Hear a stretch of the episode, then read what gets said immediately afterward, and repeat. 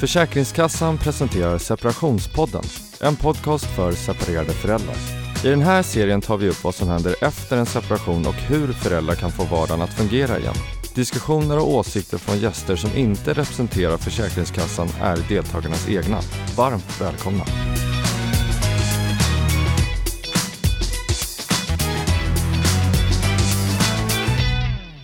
Och välkomna allihopa till Separationspodden. Jag heter Sofia Wistam och det här är det andra avsnittet där vi pratar om de utmaningarna och förberedelserna som man bör göra vid en separation eller skilsmässa.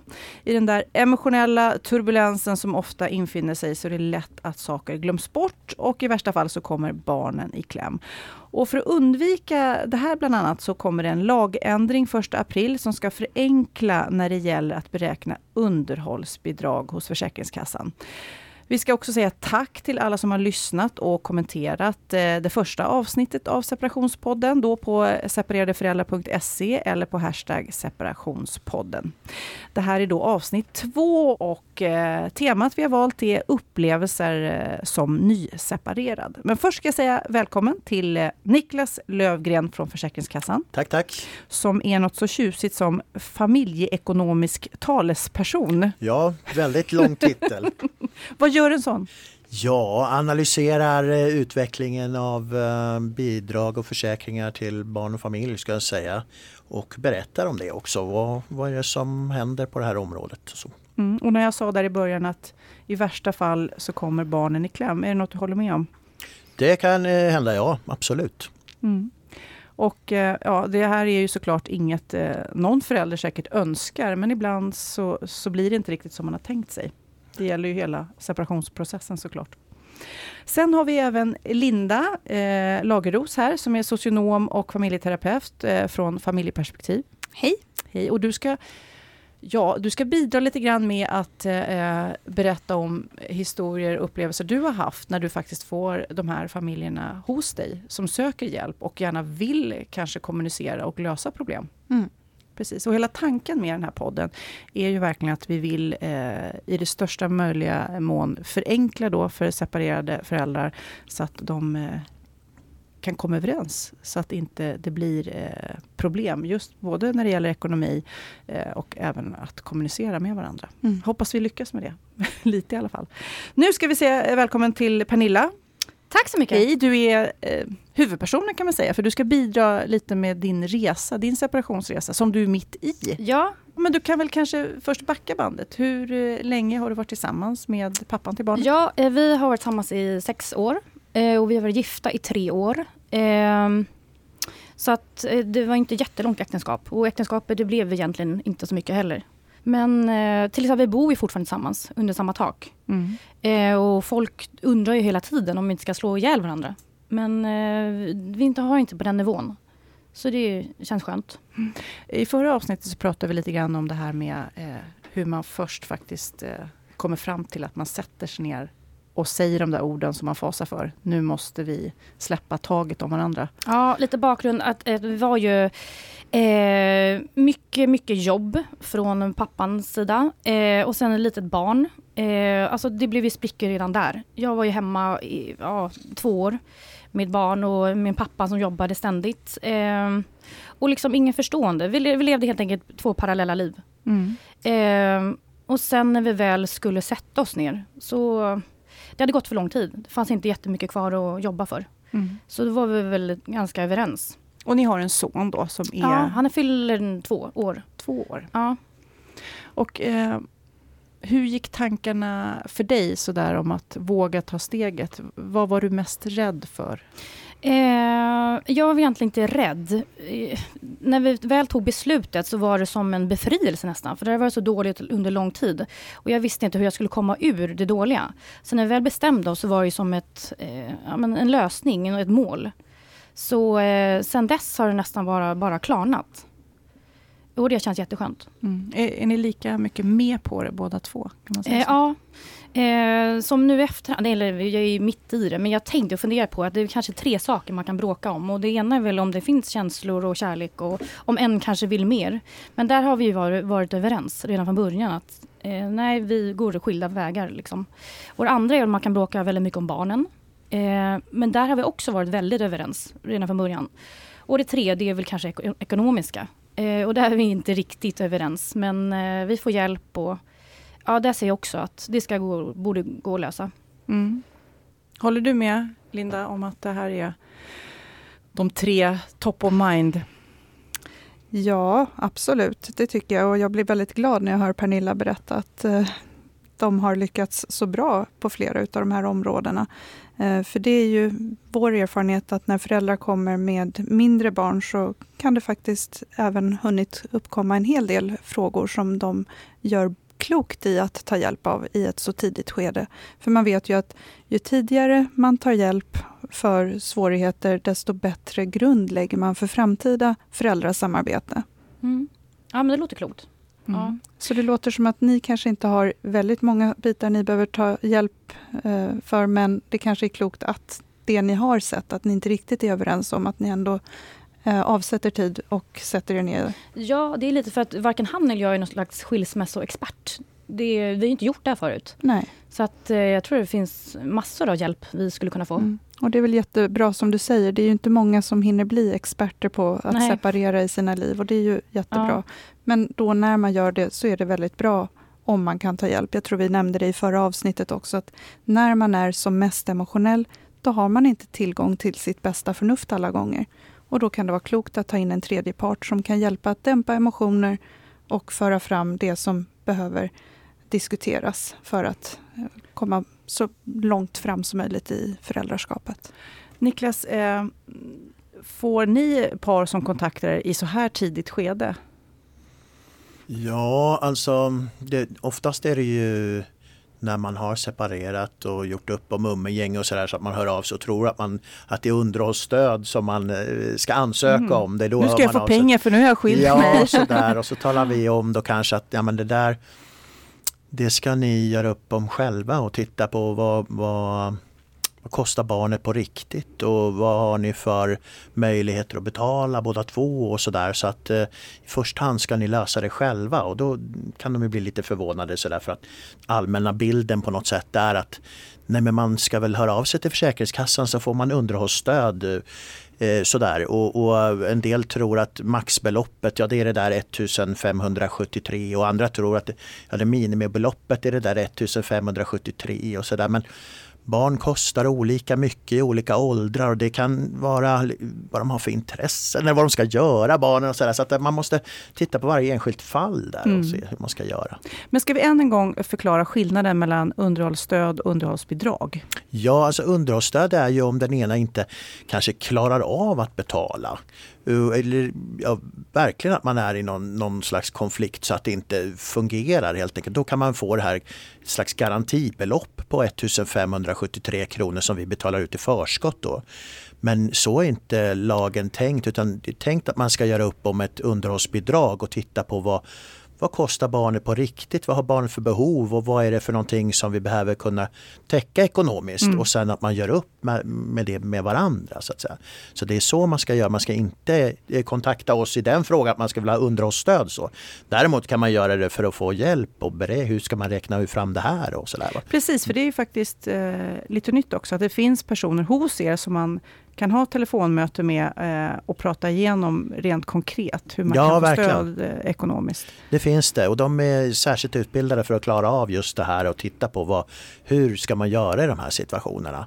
Vad ska man väga in och vad ska man inte väga in och vad är rimligt att man att man står för i olika situationer. Och sen så har vi också olika verktyg och sådär som man kan använda då för att göra det ännu lättare. Mm. Eh. Vi ska prata lite mer om det, men först tillbaks till Pernilla.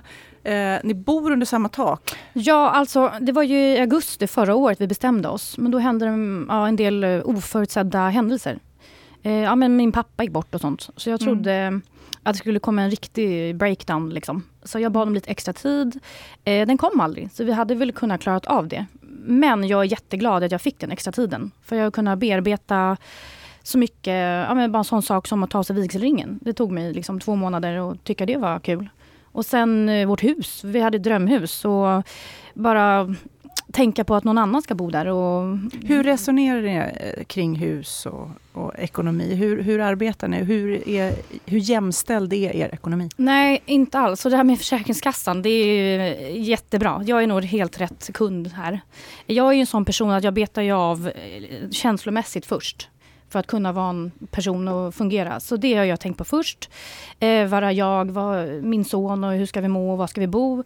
Eh, det ekonomiska har kommit i, det är väl kanske det stadiet jag är nu. Det måste jag ordna upp. Eh, ja, förlåt. Vad, men ja, jag tänker, eh, det är inte jämställt ekonomiskt, Just men ni har det. ett hus som ni planerar att sälja? Då, ja, det är eller? faktiskt redan sålt. Det gick snabbt, mm. det gick på en vecka. Mm. Eh, så nu, ja, min exman då, han har köpt en ny lägenhet Eh, det gick snabbt. Eh, jag har löst också en lägenhet som jag ska eh, ja, hyra här över sommaren.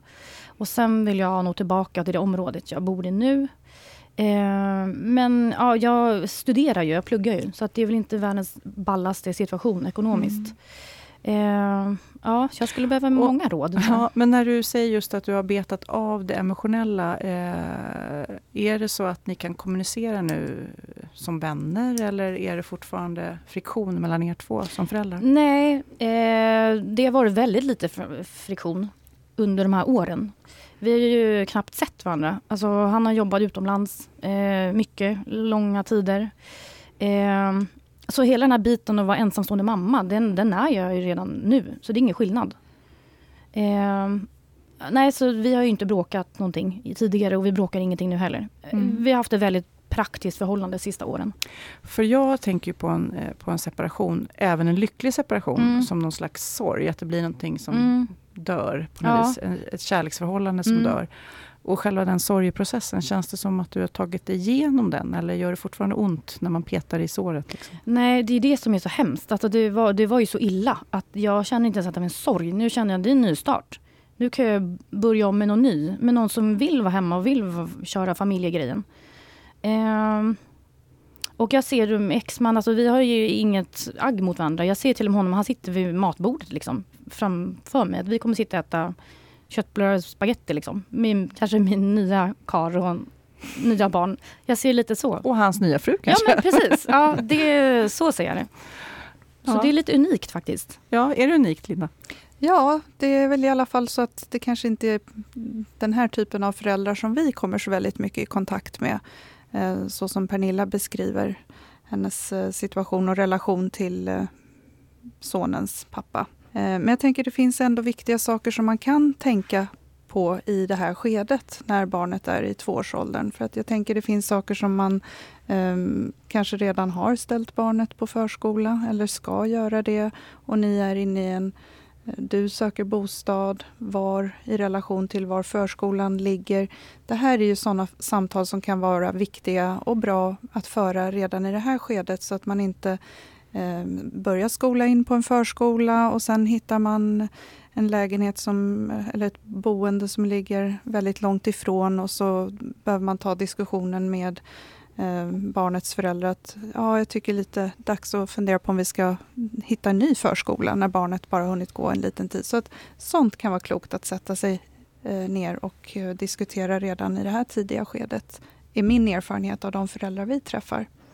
Ja, han, eh, han går ju redan på en förskola som är jättebra. Så där har vi också varit överens att det är liksom grunden. Det är hans trygghet. Så där ska, han ska inte byta den.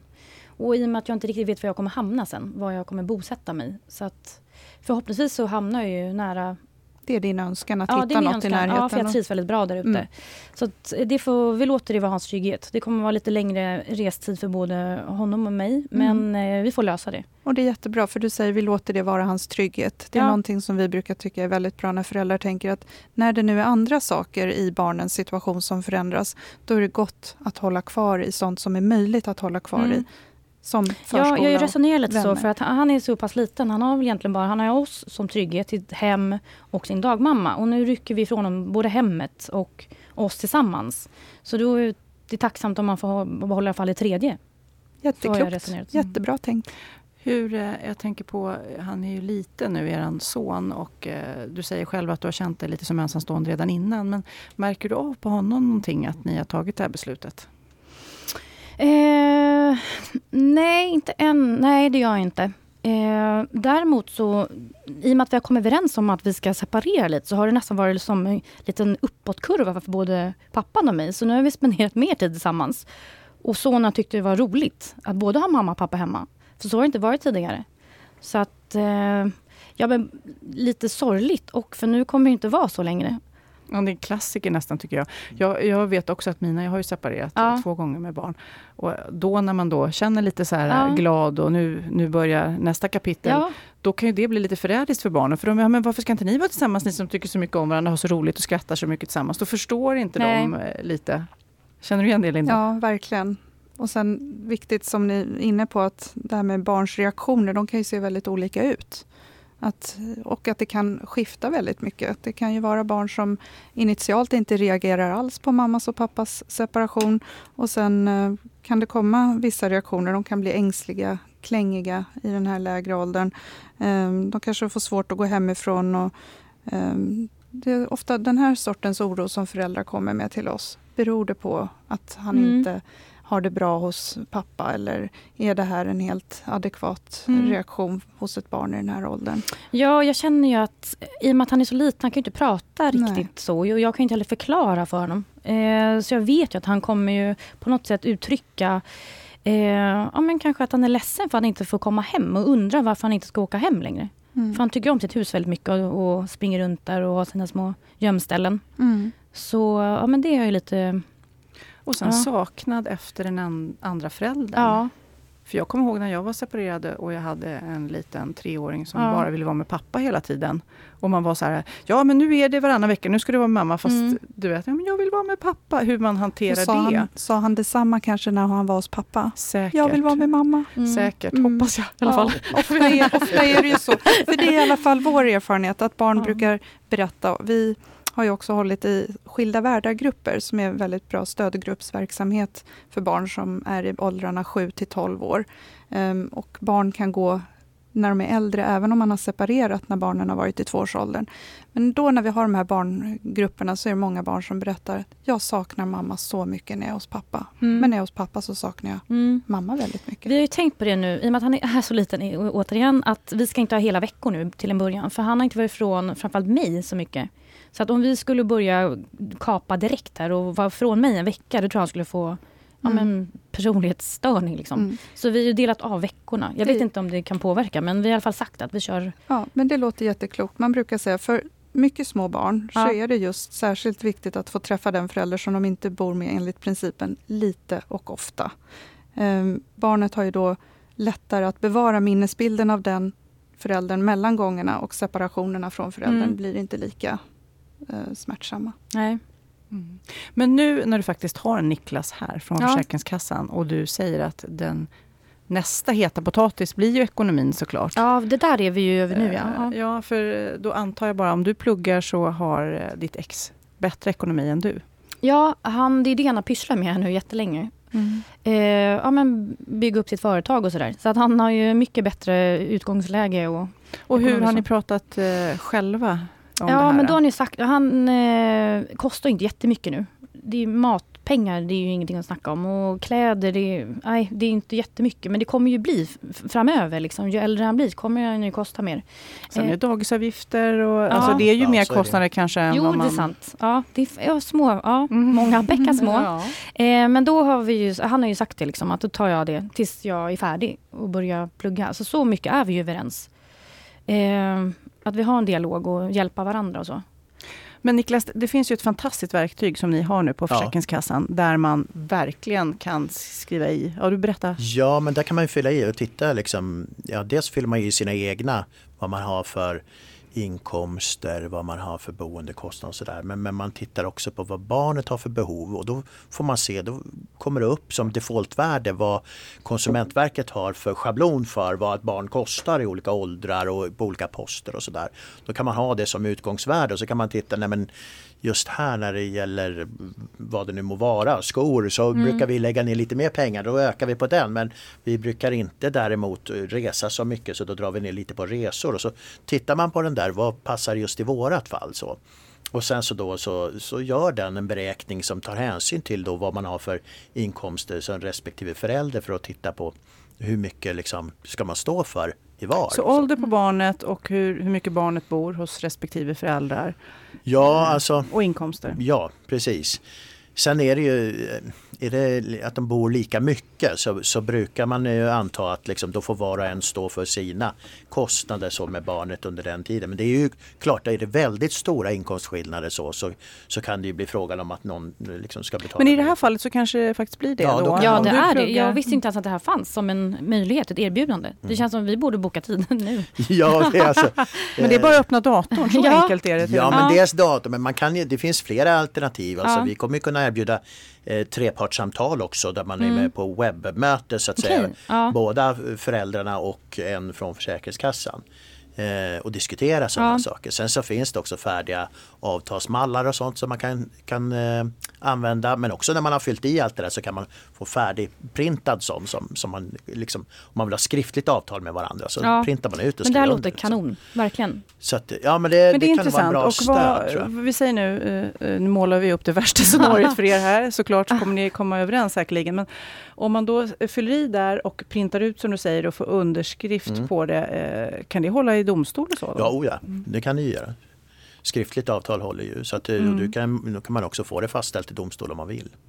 Det, För det låter ju som, som faktiskt en bra säkerhet kanske. Om man är orolig att det här kanske inte håller i längden. nej, och sen ska man tänka på också att det, alltså det ändras över tid. Alltså, nu sa du att ni ska ha lite sådär halva tiden var och barnet är, är ganska litet nu så att det kanske inte är så, så stora utgifter nu som jämfört med en 17-åring till exempel. Vi vet ju också att det här med växelvisst boende är väldigt vanligt i början de första åren. Så där. Sen brukar det vara lite mindre växelvisst boende och att man bor mer hos en och sådär. Så man kanske måste göra om det här ibland också och inte skriva ett avtal när barnet är två år och så ska det hålla till barnet är 17. Jag tänker också på att den ekonomiska situationen såklart kan ändras Ja, oh ja. snabbt. Ja, alltså jag tänker inte plugga i hela mitt liv. Men sen också för att det kan ju, även om vi är överens nu så behöver vi inte vara överens tio år senare. Nej Det precis. kan ju komma in nya personer i ens liv som, vi vet inte, ja, vill bestämma. Och, så det, det, som du sa där att det var, eh, man kunde ta det till domstol liksom, att det var Jo, men att, Det känns för skönt. Det känns som för en- det här ja, känns ju helt galet. Men om jag får fråga Niklas, Mm. hur blir det nu? Vi säger att en av föräldrarna vägrar betala, är sur och kränkt och jag tänker inte ge dig några pengar. Vad händer då? Det måste ju du möta på hela tiden. Ja, alltså är det så att man totalvägrar då är det klart, då, kan det ju, då blir det ju underhållsstöd då som, som det kan bli frågan om. Men då kan man ju gå direkt till domstol också. Om det är så att man bara tvärvägrar. Så att säga. Och då blir det ju, fastställer man ett underhållsbidrag i domstol. Och då räknar man ju liksom med barnets verkliga kostnader. Då. Så att det, då är det ju inte det här För annars så är det de här 1573 173, precis. kronorna som, Som alla tror att det är det som gäller. Fast det är inte det som gäller och det är inte så det är tänkt. Det har inte varit tänkt så faktiskt sen ja, det, vi införde bidragsförskott på 50-talet och redan då så var det tänkt så att man ska liksom betala utifrån vad barn kostar på riktigt. Sen kom det underhållsstödet på 90-talet och satt någon slags ribba sådär att det är så här mycket barn kostar. Och, Ja, så konstigt. Ja, Ja, men det, upp, eh, det skadar ju inte att upprepas det här med att skaffar man barn så har man ju eh, plikt såklart att se till att det här barnet mår så bra som möjligt och får det som det behöver. Och det kostar ju mer än då.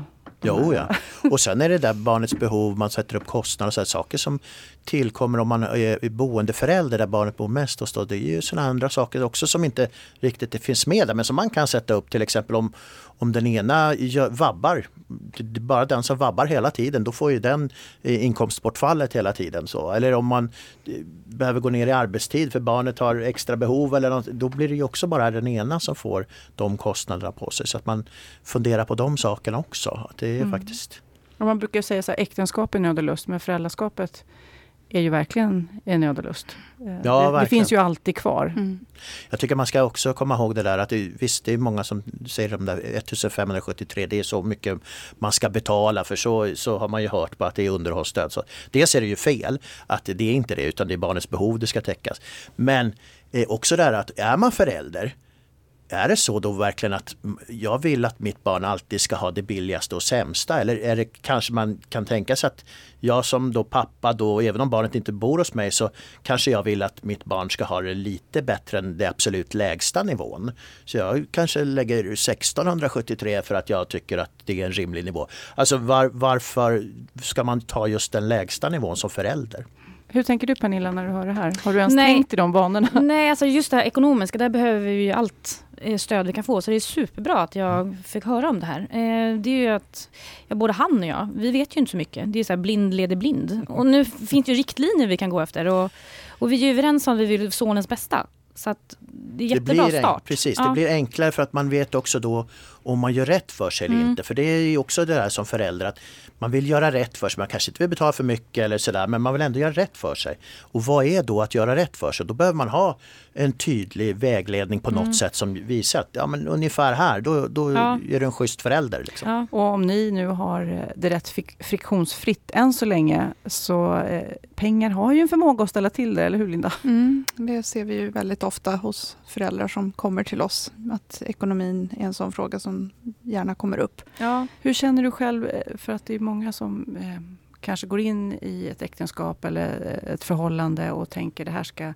vara för evigt och sen när det skiter sig så, så har man en sorg eller en, känner lite sig som misslyckad. Har du upplevt det eller har du aldrig tänkt att Eh, det här nej, det blev inte som jag slagit- tänkt mig? Ja, alltså det, det som har slagit mig det är att eh, äktenskap är så lågvattenmärkt.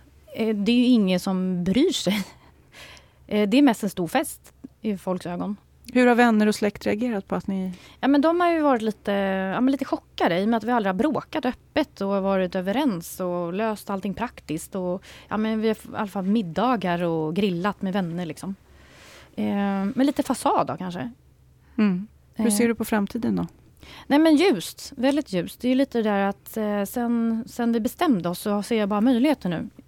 Nu kan jag ju faktiskt hitta någon som vill ja, köra familjegrejen och det finns många separerade pappor ute kanske.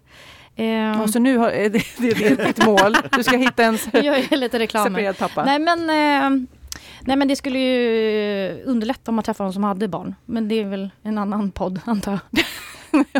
nej men jag ser det är en ljus. datingapp som jag kan rekommendera sen.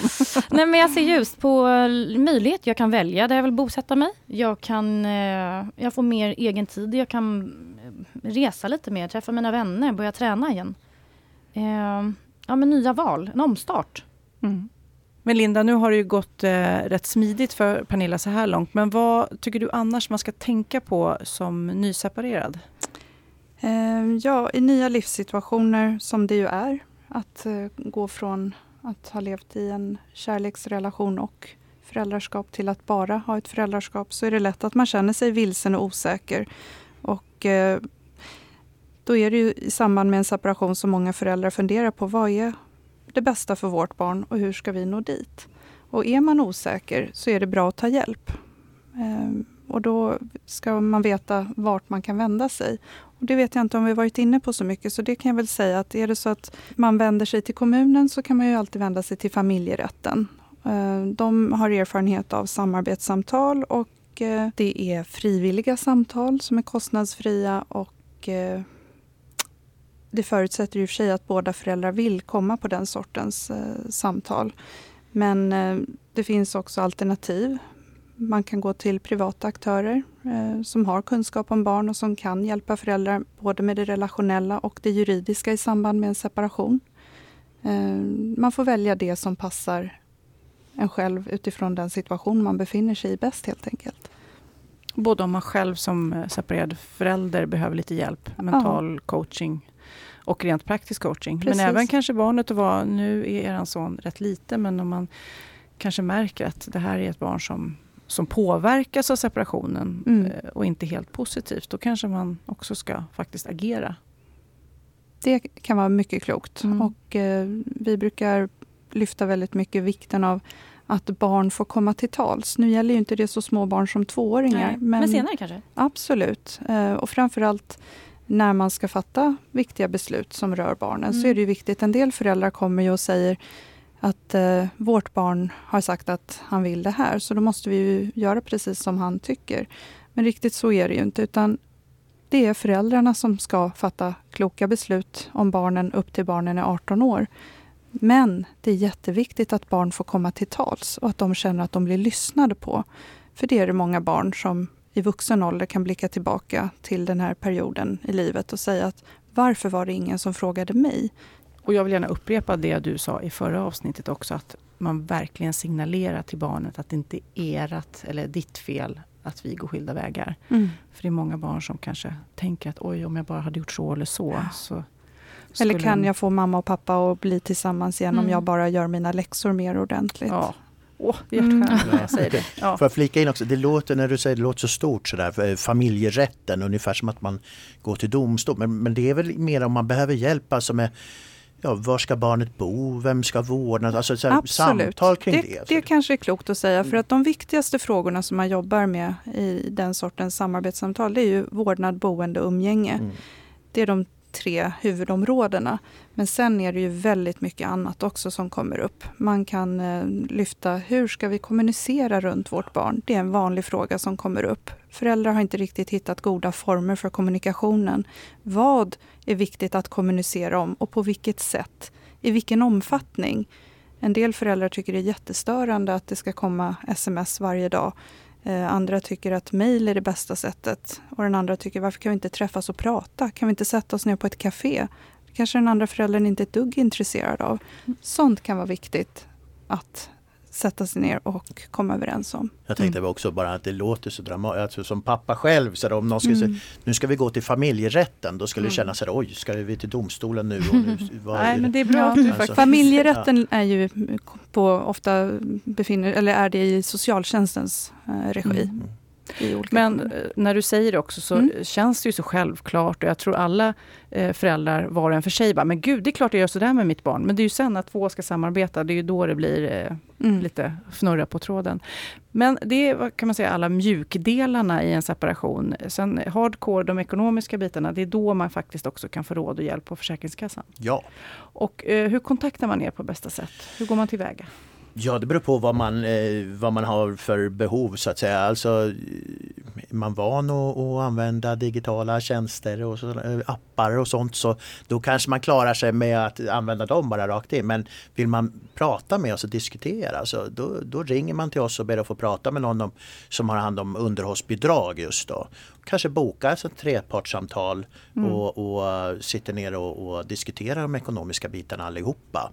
Så att det, det är väl liksom att rekommendera. Men alltså den nya appen och den tjänsten vi har i, i- på webben, där klarar man sig väldigt långt med själv också.